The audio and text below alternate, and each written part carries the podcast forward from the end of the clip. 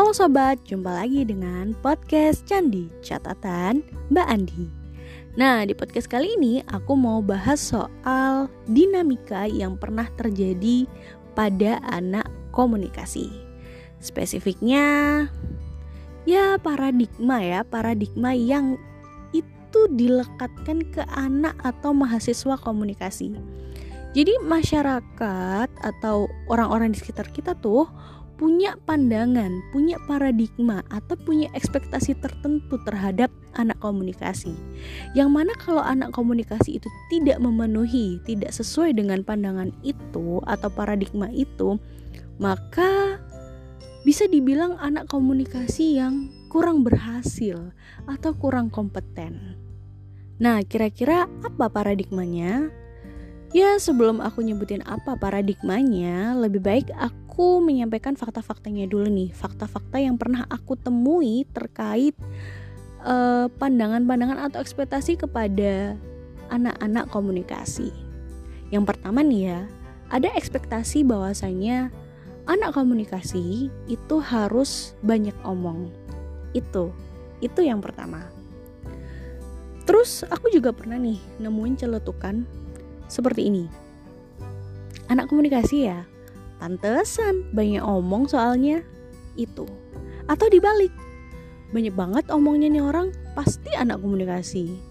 Nah, dan pada suatu masa, aku juga pernah menemukan.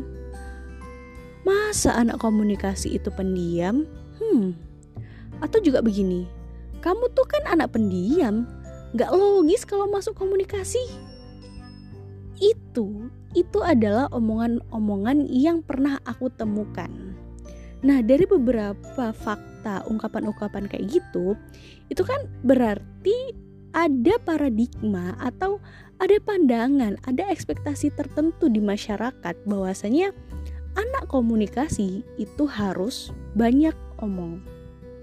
Ini kalau di logika ini tuh ya, anak komunikasi itu sama dengan banyak omongnya. Dan orang yang banyak omongnya itu sama dengan anak komunikasi. Mungkin itu ya logika yang terbangun atau paradigma yang terbangun di masyarakat kita. Nah, kalau menurutku nih, orang yang ngomong kayak gini berarti dia itu belum kenal sama yang namanya komunikasi bahkan ya mungkin belum tahu apa yang menjadi output dari komunikasi. Nah, makanya biar nggak terjadi kekeliruan, biar nggak terjadi juga kesalahan pandangan, makanya aku di podcast kali ini mau ngenalin kalian tentang komunikasi. Sekaligus menjawab, benarkah anak komunikasi itu harus banyak omong? Nah, oke nggak usah lama-lama, langsung saja kita bahas. Jadi komunikasi nih ya, kalau ngomongin asal katanya nih, dia itu berasal dari kata bahasa Inggris. Yang mana kalau ditarik ke dasarnya lagi itu dari bahasa Latin communicatio. Yang mana artinya adalah sama. Kalau kalian pernah dengar istilah atau paham komunis, nah itu kan mereka menerapkan sama rata sama rasa. Ya kan? Karena memang uh, apa ya artinya itu adalah sama. Nah begitu juga dengan komunikasi ya berasal dari kata komuni gitu ya komunikasio yang artinya sama harapannya antara orang satu dengan orang kedua itu punya pemahaman yang sama, punya gagasan yang sama. Antara si A dengan si B itu punya uh, pemahaman suatu realitas itu yang sama antara kamu dan dia itu juga punya gagasan yang sama, punya pemahaman yang sama terhadap suatu objek atau realitas. Contohnya gini, ketika ada orang yang bilang ke kamu kalau dia itu sedang menggambar bentuk bulat, bentuk lingkaran. Nah, si B itu pun akhirnya punya penggambaran realitas yang sama bahwasanya yang sedang kamu gambar itu adalah suatu hal yang berbentuk bulat seperti bola, bukan berbentuk kotak, segitiga, segi lima, ataupun benang ruwet, bukan ya, tapi sama berbentuk lingkaran itu. Ya, itu adalah salah satu uh, efek dari komunikasi antara kamu dan lawan bicaramu itu punya pandangan yang sama, punya uh, gambaran suatu realitas yang sama gitu. Itu ya. Itu dari komunikasi sendiri. Nah, terus aku kan juga pernah belajar ya di komunikasi 4 tahun aku kuliah di komunikasi itu gak pernah ada yang namanya mata kuliah yang akan mencetak kamu sebagai orang yang banyak omong. Gak ada, gak ada dosen-dosen yang mengajarkan bahwasanya kita ke depan itu akan menjadi orang yang banyak omong. Dosen datang ke kelas, ayo adik-adik kita belajar banyak omong. Gak ada, gak ada yang kayak gitu. Tapi apa yang ada? Yang ada adalah kita itu belajar di komunikasi itu kita belajar untuk bisa mencapai tujuan melalui aktivitas komunikasi.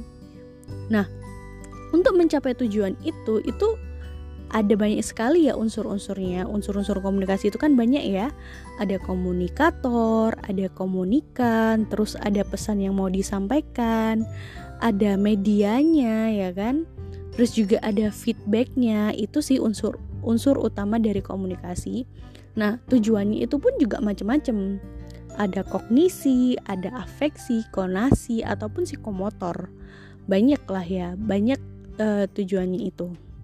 Nah, nggak harus semuanya, tapi bisa satu persatu.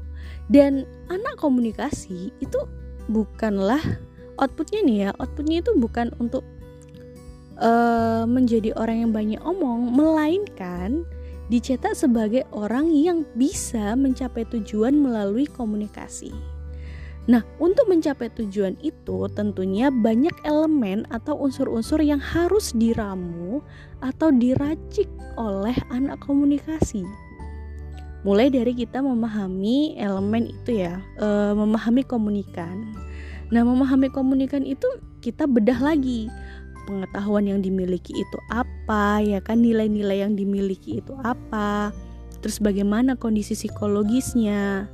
Itu yang utama selain dari sisi komunikan juga ada yang namanya argumen atau pesan tadi ya. Pesan yang pesan apa sih yang mau kamu sampaikan ke komunikan kamu kayak gitu. Nah dalam menyampaikan pesan itu bisa jadi nggak cuma satu kalimat dua kalimat tiga kalimat enggak tapi banyak bisa jadi banyak sekali argumen gitu. Argumen itu juga dibagi-bagi lagi ada argumen utama atau argumen pendukung ya kan? Itu. Itu kalau ngomongin argumen. Nah selain argumen juga ada yang namanya diksi ya. Diksi yang harus digunakan oleh seorang komunikator. Kan kalau kita itu mau ngomong sesuatu ke seseorang itu kita nggak bisa asal mengambil diksi ya. Tapi melainkan kita itu benar-benar mengukur kira-kira dengan kondisi komunikan yang seperti itu terus dengan pesan yang mau aku sampaikan kira-kira diksi yang pas itu kayak gimana ya apakah diksi yang ini itu atau yang kayak gimana nah itu bahkan yang nggak hanya berhenti di situ masih ada elemen lain yang harus diperhitungkan sama anak komunikasi. Yang selanjutnya itu adalah cara menyampaikan. Nah, cara menyampaikan ini itu juga dibedah lagi. Misalnya nih, susunannya ya kan kira-kira mana dulu nih yang mau disampaikan, kira-kira uh, ini disampaikan duluan apa disampaikan di akhir ya kira-kira bagaimana ya nanti pembukanya kira-kira nanti bagaimana ya penutupnya itu Terus juga ada paralinguistik. Paralinguistik itu ngomongin uh, kira-kira kecepatan kamu menyampaikan komunikasi itu seperti apa ya kan? Temponya, nadanya, volumenya, mana penekanannya dan lain sebagainya itu. Banyak. Terus belum lagi bahasa tubuh. Terus juga kalau misalkan uh, apa namanya? outfit itu juga menjadi pertimbangan tersendiri bagi anak komunikasi. Nah, dari elemen-elemen itu, elemen-elemen yang terpisah itu, anak komunikasi wajib untuk bisa meramunya atau meraciknya menjadi suatu komunikasi yang efektif. komunikasi yang bisa mencapai tujuannya. Itu itu outputnya. Nggak gampang loh meramu itu semua. Aku aja belajar ini beberapa kali semester ya. Banyak banget gitu loh. Terpisah-pisah gitu. Nah, jadi uh, apa ya?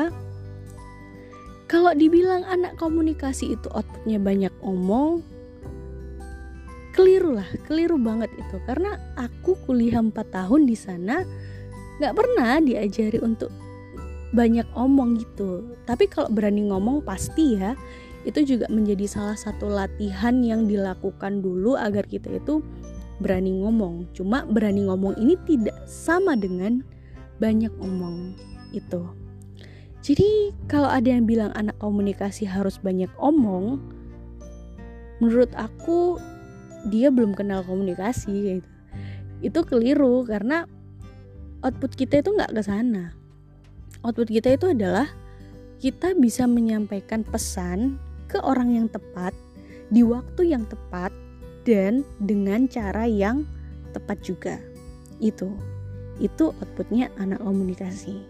Jadi bukan banyak bukan banyak omong apalagi kalau nggak ada isinya sama sekali ya. Dan apalagi kalau misalkan sudah banyak omong nggak ada isinya dan nggak mencapai tujuan komunikasi. Itu bukan outputnya. Itu salah uh, salah besar jika anak komunikasi dibilang seperti itu. Banyak omongnya bukan. Jadi ya yang benar adalah kita anak-anak komunikasi itu dilatih, dicetak untuk bisa menyampaikan komunikasi secara efektif dan bisa mencapai tujuan dari komunikasi yang telah ditetapkan. Begitu ya? Nah, bagi adik-adik atau teman-teman yang lagi belajar komunikasi tapi punya uh, apa ya namanya punya karakter pendiam, karakter introvert, karakter yang nggak terlalu suka, bukan nggak terlalu suka ya, tapi nggak terlalu banyak omong, jangan minder. Nggak usah minder karena output dari komunikasi itu bukan banyak omong kok, tapi itu tadi kita bisa komunikasi secara efektif dan bisa mencapai dari tujuan komunikasi yang sudah ditetapkan. Nggak usah minder, tetap belajar aja kira-kira seperti apa nanti uh, komunikasi yang efektif karena itulah yang akan menjadi skill kita yang akan menjadi output dari uh, anak komunikasi itu sendiri. Oke? Okay? Nah, sekiranya itu aja dari yang bisa aku sampaikan pada podcast kali ini. Semoga bermanfaat ya buat para teman-teman, para teman-teman semuanya dan bisa meluruskan paradigma yang yang ada di sekitar kita ya bahwasanya anak komunikasi nggak harus banyak omong tapi anak komunikasi harus bisa menyampaikan gagasan secara efektif dan bisa mencapai tujuan dari komunikasi. Oke itu aja. Terima kasih. Sampai jumpa di episode berikutnya